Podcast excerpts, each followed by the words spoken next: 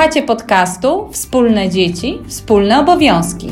Rozmawiamy o urlopie rodzicielskim w Polsce i na świecie, a szczególnie o tym, jak można go podzielić między kobietę i mężczyznę. Mówimy o wszystkich zagadnieniach związanych z tym tematem: partnerstwie w związkach, wychowaniu dzieci, aspektach prawnych, uwarunkowaniach społecznych i o wielu innych ważnych kwestiach. Podcast prowadzą Karolina Andrian i Joanna Włodarczyk.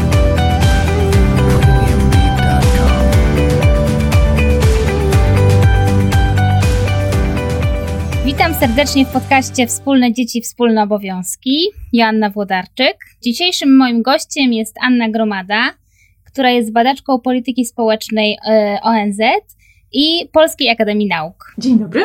Dzień dobry. Wiem, że jesteś też e, współautorką raportu dotyczącego polityk prorodzinnych w różnych krajach UNICEF-u i chciałabym Cię zapytać, e, jak w tej polityce prorodzinnej został ujęty taki wskaźnik dotyczący brania urlopów przez e, ojców. Mhm. W naszym ostatnim raporcie, który skupiał się na krajach wysoko rozwiniętych, jest to 41 krajów Unii Europejskiej i OECD, braliśmy pod uwagę legislacyjny pomysł wprowadzania urlopów zarezerwowanych dla ojca. Z 41 wysoko rozwiniętych krajów 32 kraje już wprowadziły taką politykę e, i możemy się zastanowić, dlaczego. Mamy tutaj argumenty na kilku poziomach. Pierwszy poziom to jest relacja z dzieckiem, drugi poziom to jest rynek pracy, trzeci to jest jakość opieki nad dzieckiem.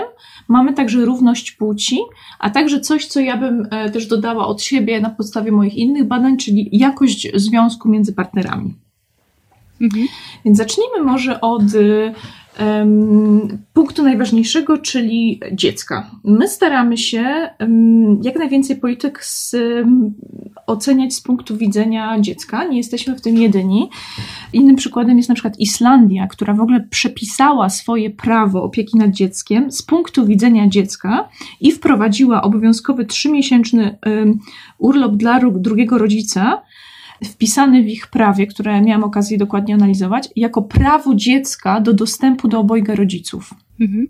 Czyli to są trzy miesiące, których nie można oddać. Tak, mhm. Islandia wprowadziła pierwsze trzy miesiące zwykle dla matki ze względu na um, wartość dla dziecka, jaką jest bycie karmionym piersią, kolejne trzy miesiące dla ojca, E, i ostatnie trzy miesiące do podziału, e, tak jak rodzice sami zdecydują. Więc tutaj jest element zarówno regulacji, jak i element wolności w dziewięciu miesiącach w islandzkim prawie.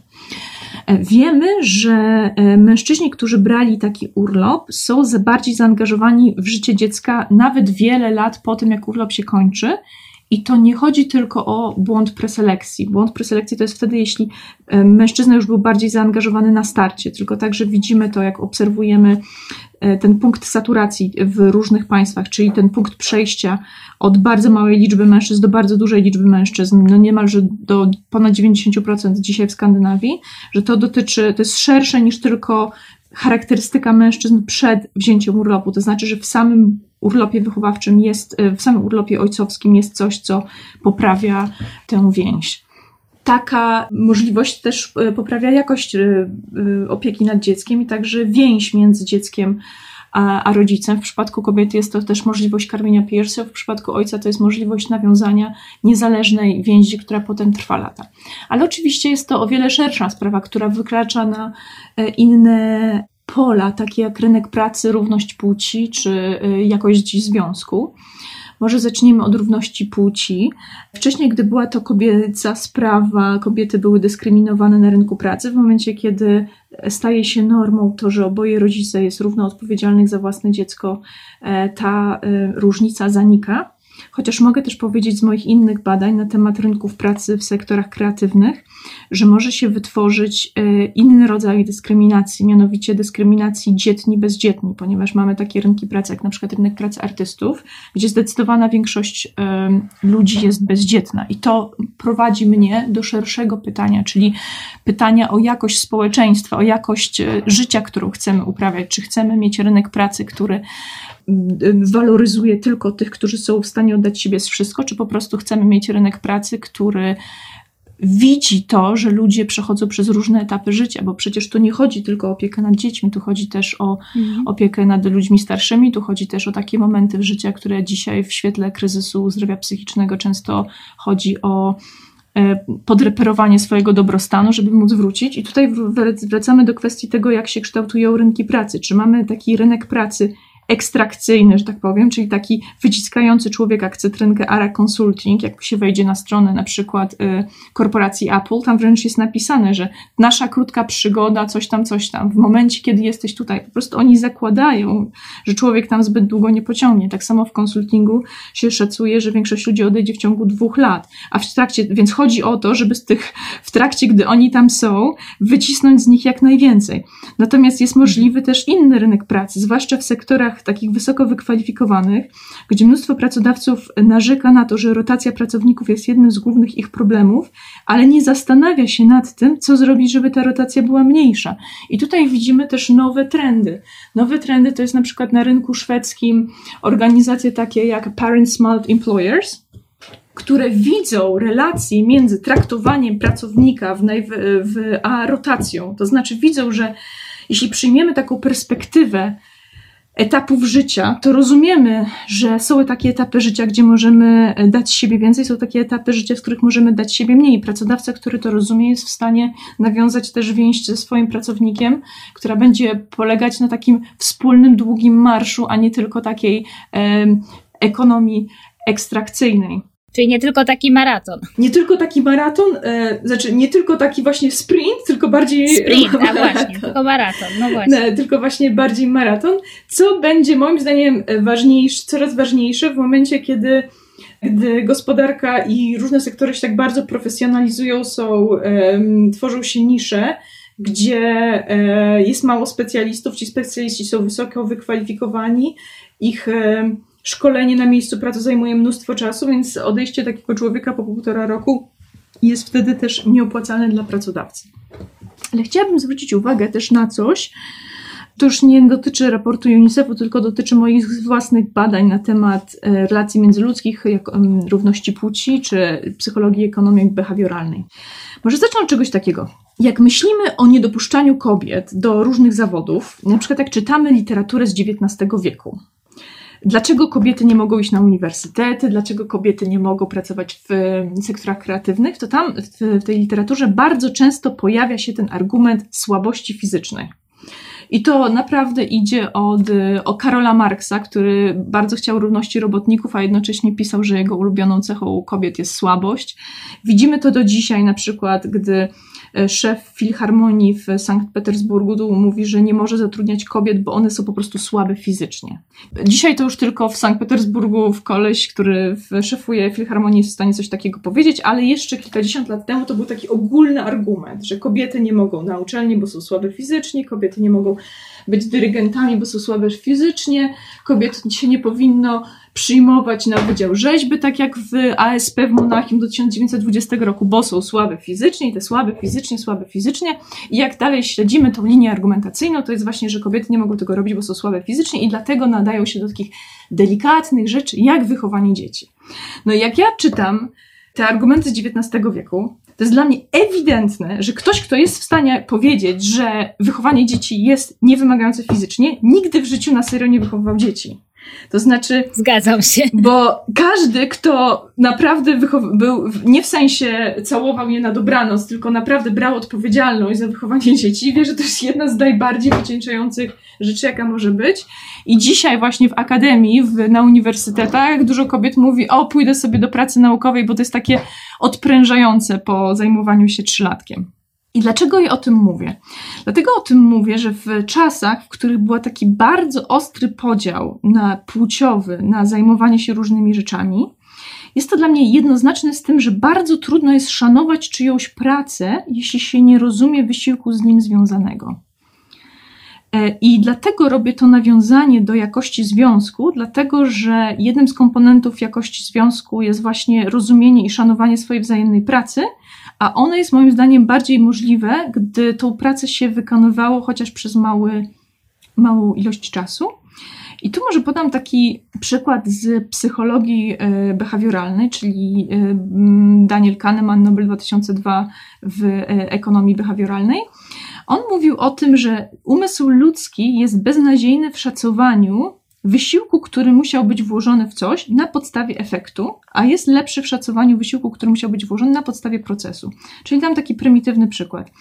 Jeśli chcę, żeby na przykład e, mój mąż docenił to, że myłam okna, to statystycznie rzecz biorąc, gdy on wejdzie i one wszystkie będą świetnie, e, bardzo czyste, to nie będzie w stanie wy, jakby wykonać takiego procesu mentalnego polegającym na rekonstrukcji tego wysiłku, który został włożony, żeby osiągnąć ten efekt.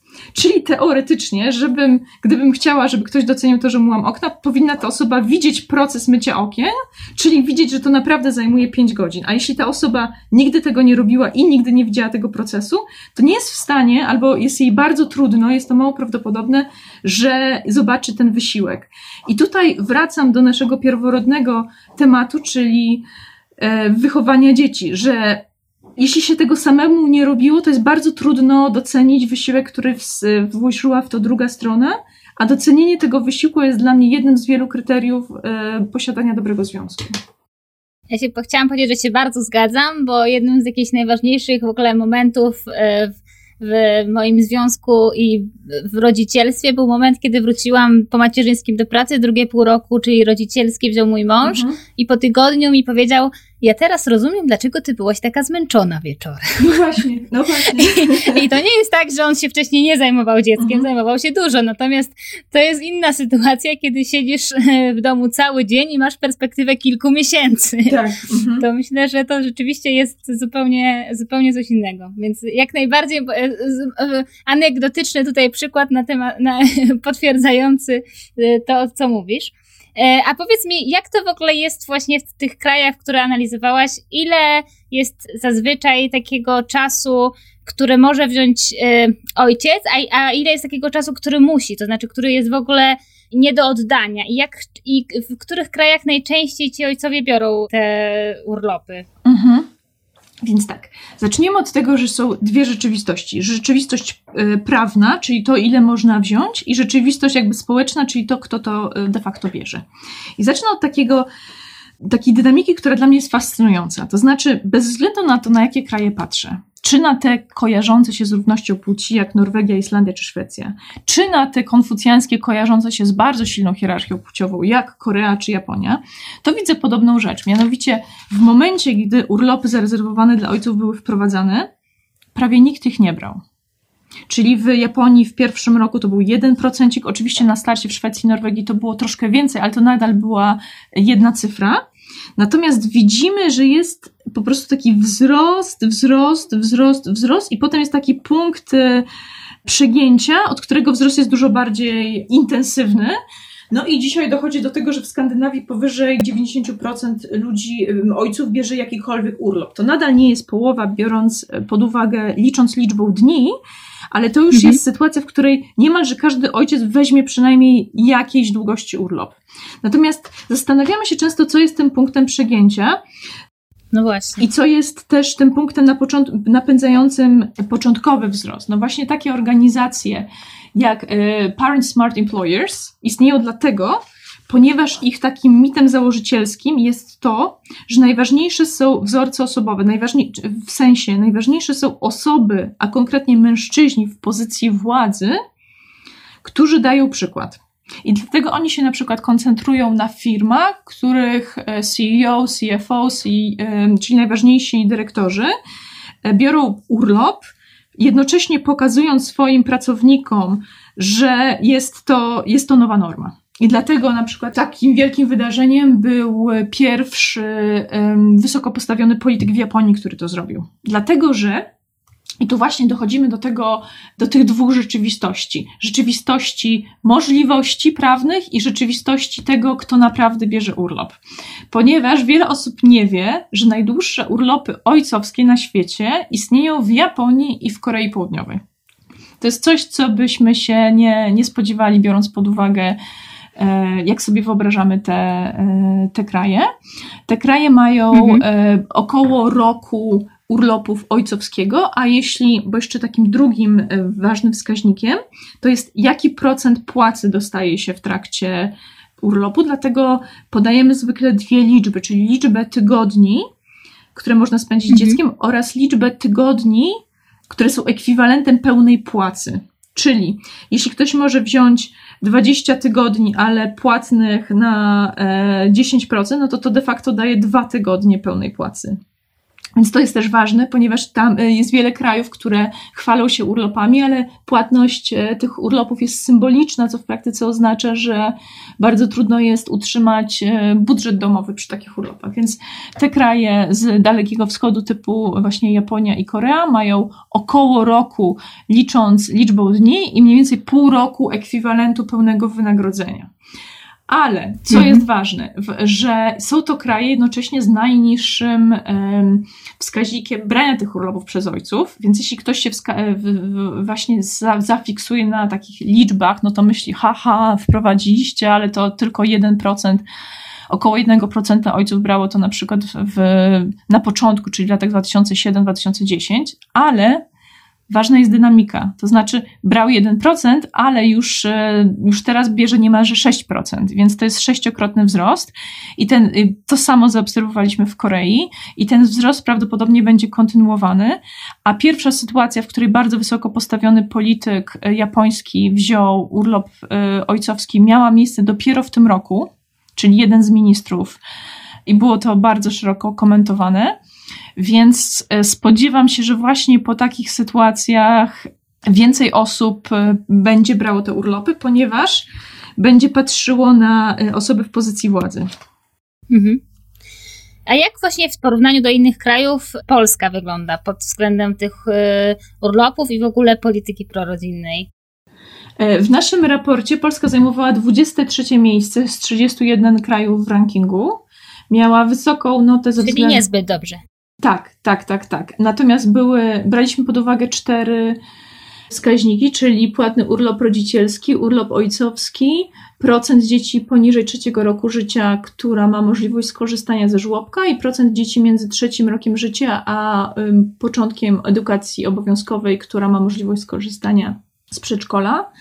E, I Polska zajmowała 13 miejsce, jeśli chodzi o hojność e, urlopów e, macierzyńskich i 18, jeśli chodzi o hojność e, urlopów ojcowskich. Natomiast trzeba pamiętać, że ogólnie, jeśli wyciągniemy średnią z tych wszystkich krajów, to tylko około 10% całego urlopu to jest urlop zarezerwowany dla ojców. I on w większości krajów jest naprawdę symboliczny, wynosi tydzień czy dwa, ale jednocześnie wielu um, ustawodawców, w tym też takich, z którymi dyskutowałam, pytając ich o motywację wprowadzania nawet tygodnia czy dwóch, mówiło, że bardziej chodzi o zmianę kulturową. To znaczy oni uważali, że mhm. nawet jeśli się wprowadzi tydzień czy dwa, to e, w, chodzi pewne o takie przestawienie mentalnej wajchy, i że potem, że chodzi bardziej o tak zero-jedynkową możliwość, o tą sytuację, w której mężczyzna w vis pracodawcy mówi, że chce wziąć urlop ojcowski. Natomiast e, gdy to się dokona, to jej zdaniem, znaczy zdaniem tej pani minister, z którą rozmawiałam, która wprowadzała bardzo krótki urlop w jednym z krajów, jej zdaniem, jeśli jak to już się dokona, to potem zmiana, czyli wzrost będzie niemalże automatyczny. No, czyli właśnie w Polsce można powiedzieć, że jesteśmy na tej drodze, no bo mamy dwa tygodnie tego ojcowskiego, które, jest, które są pełnopłatne i które coraz więcej ojców bierze, ale mamy też ten urlop rodzicielski, który można dzielić między rodziców, o, o czym też nie wszyscy, a wręcz mało rodziców wie że można dzielić. Jest to raczej traktowane jako właśnie roczny urlop macierzyński i niezbyt dużo ojców właśnie tam na poziomie mniej więcej 1% y, w ogóle bierze te, y, te urlopy. To co twoim zdaniem można by, musiałoby się stać, żeby właśnie ta zmiana się dokonała, żeby ten wzrost się zaczął? To znaczy wzrost już się zaczął. Polska jest na podobnej trajektorii, na której są te inne kraje, o których mówiłam. Mhm. Ale tak jak powiedziałam, mi się wydaje, że bardzo ważną sytuacją jest zachowanie mężczyzn w pozycji władzy. Ponieważ oni wysyłają pewien sygnał tego, po pierwsze, y, wysyłają pewien sygnał też związany ze własnymi wartościami. Po drugie, wysyłają pewien sygnał związany z y, organizacją pracy. E, po trzecie, mm, ważne jest, i to jest moja taka prywatna opinia, że niektóre męskie środowiska bardzo się tak um, um, patrzą na siebie nawzajem odnośnie tego, co jest męskie, a co jest niemęskie. Więc w momencie, kiedy ktoś, kto uosabia pozycję władzy, robi to, w pewnym sensie, moim zdaniem, zmienia e, normę kulturową. Czyli, że pokazuje, że zajmowanie się dzieckiem jest męskie. E, tak, że pokazuje, że zajmowanie się, e, że, że nie czuje się zagrożony w swojej męskości przez to, że zajmuje się dzieckiem, że pokazuje, że ta, e, to dziecko jest dla niego ważne. Mhm. Czyli czekamy teraz na jakichś ministrów, czy kogoś właśnie z, z obozu władzy, kto weźmie urlop rodzicielski i wtedy jest szansa, że też y, będzie ten taki punkt przegięcia. E, tak, aczkolwiek, tak jak właśnie za, zauważa szwedzka fundacja, którą tu już cytowałam wielokrotnie, ich zdaniem zmiana kultury korporacyjnej, która potem jakby skapuje do reszty społeczeństwa jest, jest ważna, Wła, zwłaszcza w takich sektorach kojarzących się z wyciśnięciem człowieka do ostateczności, jak na przykład, nie wiem, sektor bankowości inwestycyjnej, sektor konsultingowy, czy sektor e, niektórych firm prawniczych. Czyli to są takie sektory, w których się pracuje no, powyżej 60 godzin w tygodniu, więc to jest, to jest dla mnie, tak jak powiedziałam, dla mnie to jest kwestia szersza niż e, tylko zajmowanie się dziećmi, bo dla mnie to jest w ogóle pytanie o e, jakość życia, to znaczy jaką my jakość, do czego my dążymy, jakiego my życia chcemy. To znaczy rodzic, który pracuje 65 godzin w tygodniu jest w absolutnie e, krytycznej sytuacji, ale singiel, który te pracuje 65 godzin w tygodniu, też jest w sytuacji zaniedbywania swojego zdrowia, relacji, czy pasji, czy dobrobytu. Mhm. Czyli chodzi w ogóle o zmianę myślenia o pracy, takie, że praca jest częścią życia, ale nie całym życiem. Tak, tak, zwłaszcza jeśli spojrzymy mhm. na. To jest w ogóle bardzo ciekawe pytanie o relacje między na przykład um, liczbą przepracowanych godzin, a bogactwem społeczeństw. Bo jeśli spojrzymy na to z perspektywy społeczeństwa, to widzimy, że im bogatszy kraj, tym mniej pracuje e, przeciętna osoba w tym kraju żyjąca. Czyli na przykład w mhm. Holandia, która jest bardzo bogatym krajem, e, ma bardzo mało godzin przepracowanych i dużo osób, które pracuje na pół etatu albo wręcz na jedną trzecią etatu. E, nie jest to, nie jest to niczym, e, niczym dziwnym. Z tego punktu widzenia też warto zauważyć, że polski rynek pracy jest właśnie elastyczny z punktu widzenia ochrony pracy przez procent ludzi pracujących na umowach zlecenie i umowach udzieło, ale jest sztywny z punktu widzenia godzin pracy. To znaczy jest jeszcze relatywnie mało mały rynek pracy nie na pełen etat. To się powoli zmienia, natomiast e, jest to, e, jest to dużo mniejsza część niż w innych krajach. To jeszcze mam takie pytanie dotyczące dyrektywy Unii Europejskiej, która została przegłosowana i która wskazuje krajom Unii Europejskiej, że do 2022 mają wprowadzić u siebie dwa miesiące właśnie takie nietransferowalne dla jednego z rodziców, czyli na przykład właśnie dla ojca, jeżeli nie bierze on więcej y, urlopu. I jak myślisz, jak to w Polsce można wprowadzić? Bo y, są różne tutaj propozycje z tego, co ja słyszałam. E, może aż tak dużo się o tym nie rozmawia, ale mówią niektórzy, że trzeba dodać te dwa miesiące do tego roku, bo inaczej będzie takie poczucie, że się zabiera matką. E, z drugiej strony jest taka hipoteza, że jak się doda te dwa miesiące do, do roku, to właśnie nikt ich nie będzie brał, bo po, jak już jest zamknięty rok, to, to po co tutaj te dwa miesiące dodatkowe? Jak Twoim zdaniem należałoby to wprowadzić? Mm, nie mam tutaj silnej opinii, czy to powinien być rok, czy rok i dwa miesiące. Inną kwestią, o której dyskutowałyśmy, to jest właśnie kwestia tego, co jest możliwe prawne i co ludzie biorą. Wiemy, że w wielu krajach, my na przykład w UNICEF-ie dla naszych pracowników e, mamy politykę 6 miesięcy dla pierwszego rodzica i potem dla drugiego rodzica. Natomiast dalej to jest kwestia mm, tego też, jak długo ludzie chcą zajmować się swoimi dziećmi. I to jest ważne też, żeby mieć policy mix, to znaczy, żeby nie traktować urlopów i miejsc opieki nad małymi dziećmi jako oddzielnych polityk, tylko wyobrazić mhm. sobie sytuację, w której rodzice mogą um, zajmować się swoimi dziećmi, a jednocześnie korzystać z tych, z tych e, ośrodków e, opieki nad małym dzieckiem ponieważ wielu z nich na przykład chciałoby wrócić do pracy na pół etatu, ale jest postawionych w sytuacji zero-jedynkowej. Czyli albo jest, albo jest całkowicie w pracy, albo jest całkowicie w, w domu, podczas gdy po pierwszym roku często właśnie taki um, oddzielenie od dziecka lepiej, żeby było stopniowe. Mhm. No tak, czyli to też taka perspektywa właśnie dziecka, żeby na przykład chodziło na kilka godzin do placówki, a nie od razu na 10 godzin, bo jeszcze trzeba dojechać do pracy, a pracuje się 8 godzin. Tak, to jest dla mnie w ogóle bardzo duży problem w polskim postrzeganiu opieki nad małymi dziećmi. To znaczy mam wrażenie, że wiele osób jest dyskretnie do nich uprzedzonych, bo kojarzy im się to z jakimiś takimi, nie wiem, perelowskimi przechowalniami, gdzie tam niekochające matki oddają dzieci, żeby iść do fabryki. Podczas gdy nowoczesne myślenie nad tym postrzega to w zupełnie inny sposób. To znaczy, widzimy, mam, po pierwsze, mamy badania, które pokazują, że nawet pójście trzy razy w tygodniu do takiego miejsca wys- wysokiej jakości opieki na dwie godziny, to co sumuje się do sześciu godzin w tygodniu, już przekłada się na wyższy, e, lepszy rozwój dziecka. Po drugie, wiele mhm. krajów postrzega opiekę nad małymi dziećmi jako znakomite e, narzędzie wyrównywania szans ponieważ część, im rodzice mają wyższe wykształcenie, tym jest większe prawdopodobieństwo, że ten czas spędzony na urlopie e, spędzają na bardzo intensywnym stymulowaniu dziecka, też intelektualnym, emocjonalnym, a rodzice, którym nie mają takiego przygotowania, spędzają ten czas e, w inny sposób. Dlatego na przykład nawet te 6 godzin w tygodniu już jest w stanie pozytywnie wpłynąć na rozwój szczególnie dzieci z mniej uprzywilejowanych środowisk. Po drugie, dla mnie to znowu wracamy do tych XIX-wiecznych kolesi, którzy piszą właśnie takie rzeczy, które świadczą o tym, że nigdy się nie zajmowali dziećmi. To znaczy, wychowanie dziecka jest po prostu pracą na trzy etaty, więc to, y, to jest po prostu, zwłaszcza w tych e, początkowych latach, związane z deprawacją snu.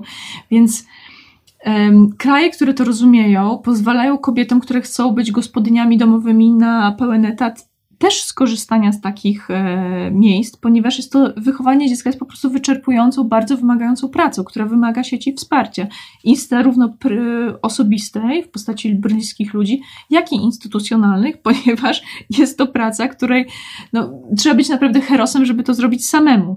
Więc tu znowu mamy do czynienia z takim binarnym, zero-jedynkowym myśleniem, że albo, albo instytucja, albo kochająca matka. No nie, właśnie najlepiej działające systemy korzystają z wszystkich tych y, z, z obojga rodziców, z nieformalnych i z formalnych sieci wsparcia, żeby wspierać rozwój dzieci. Tak, bo rodzice są lepszymi rodzicami, jak mogą czasem odpocząć. Na przykład. Też chciałam. E, a chciałam Cię jeszcze dopytać o to, bo jest też taka teraz e, dyskusja wokół tego, jak e, ten kryzys związany z pandemią wpłynie na podział właśnie tych obowiązków domowych, e, ról e, społecznych między mężczyznę i kobietę, szczególnie w przypadku zajmowania się dziećmi czy takich obowiązków domowych.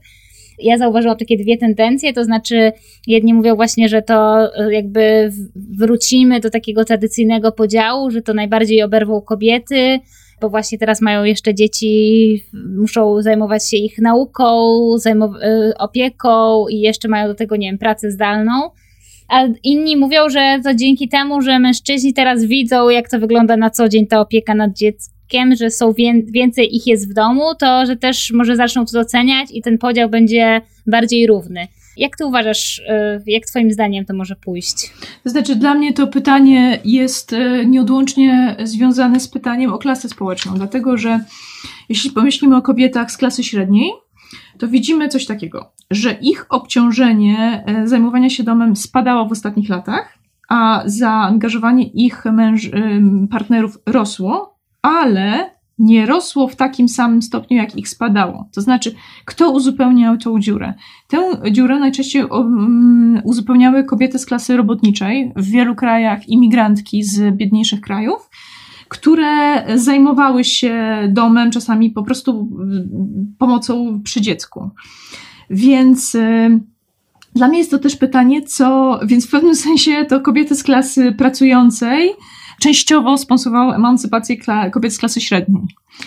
Więc teraz jest to pytanie, mhm. co się stanie, kiedy kobiety z klasy pracującej e, tracą tą pracę, która była źródłem większego, większej równowagi między życiem prywatnym a zawodowym kobiet lepiej sytuowanych. Więc wydaje mi się, że to zależy od zależności od ścieżki, która już zaistniała w danym związku. Natomiast nie, mhm. nie, nie ulega wątpliwości, że dla wszystkich obecna, e, obecna sytuacja jest, jest wyczerpująca i um, powinniśmy priorytetyzować po prostu wyjście z niej w zdrowiu psychicznym. Tak, i tego się trzymajmy. Szczególnie tutaj życzymy tego rodzicom małych dzieci, mhm. i starszych w sumie też, e, bo to e, nie jest łatwe, kiedy właśnie brakuje takiej możliwości odpoczynku i trzeba przebywać e, ze sobą 24 godziny na dobę. Bardzo Ci dziękuję za tą rozmowę. Tutaj ja się mało udzielałam, bo tak dobrze wszystko opowiadałaś, że w zasadzie nie chciałam się wtrącać. Natomiast rzeczywiście te wszystkie rzeczy, o których mówiłaś, moim zdaniem też są bardzo ważne i mam nadzieję, cały czas, choć niezbyt dużą, że w Polsce też e, zanim zostanie wprowadzona ta dyrektywa, e, o której wspominałam, to będzie jakaś porządna dyskusja społeczna na ten temat, na ten temat choć obawiam się, że może, może tego nie być. E, dziękuję Ci bardzo. Dziękuję bardzo.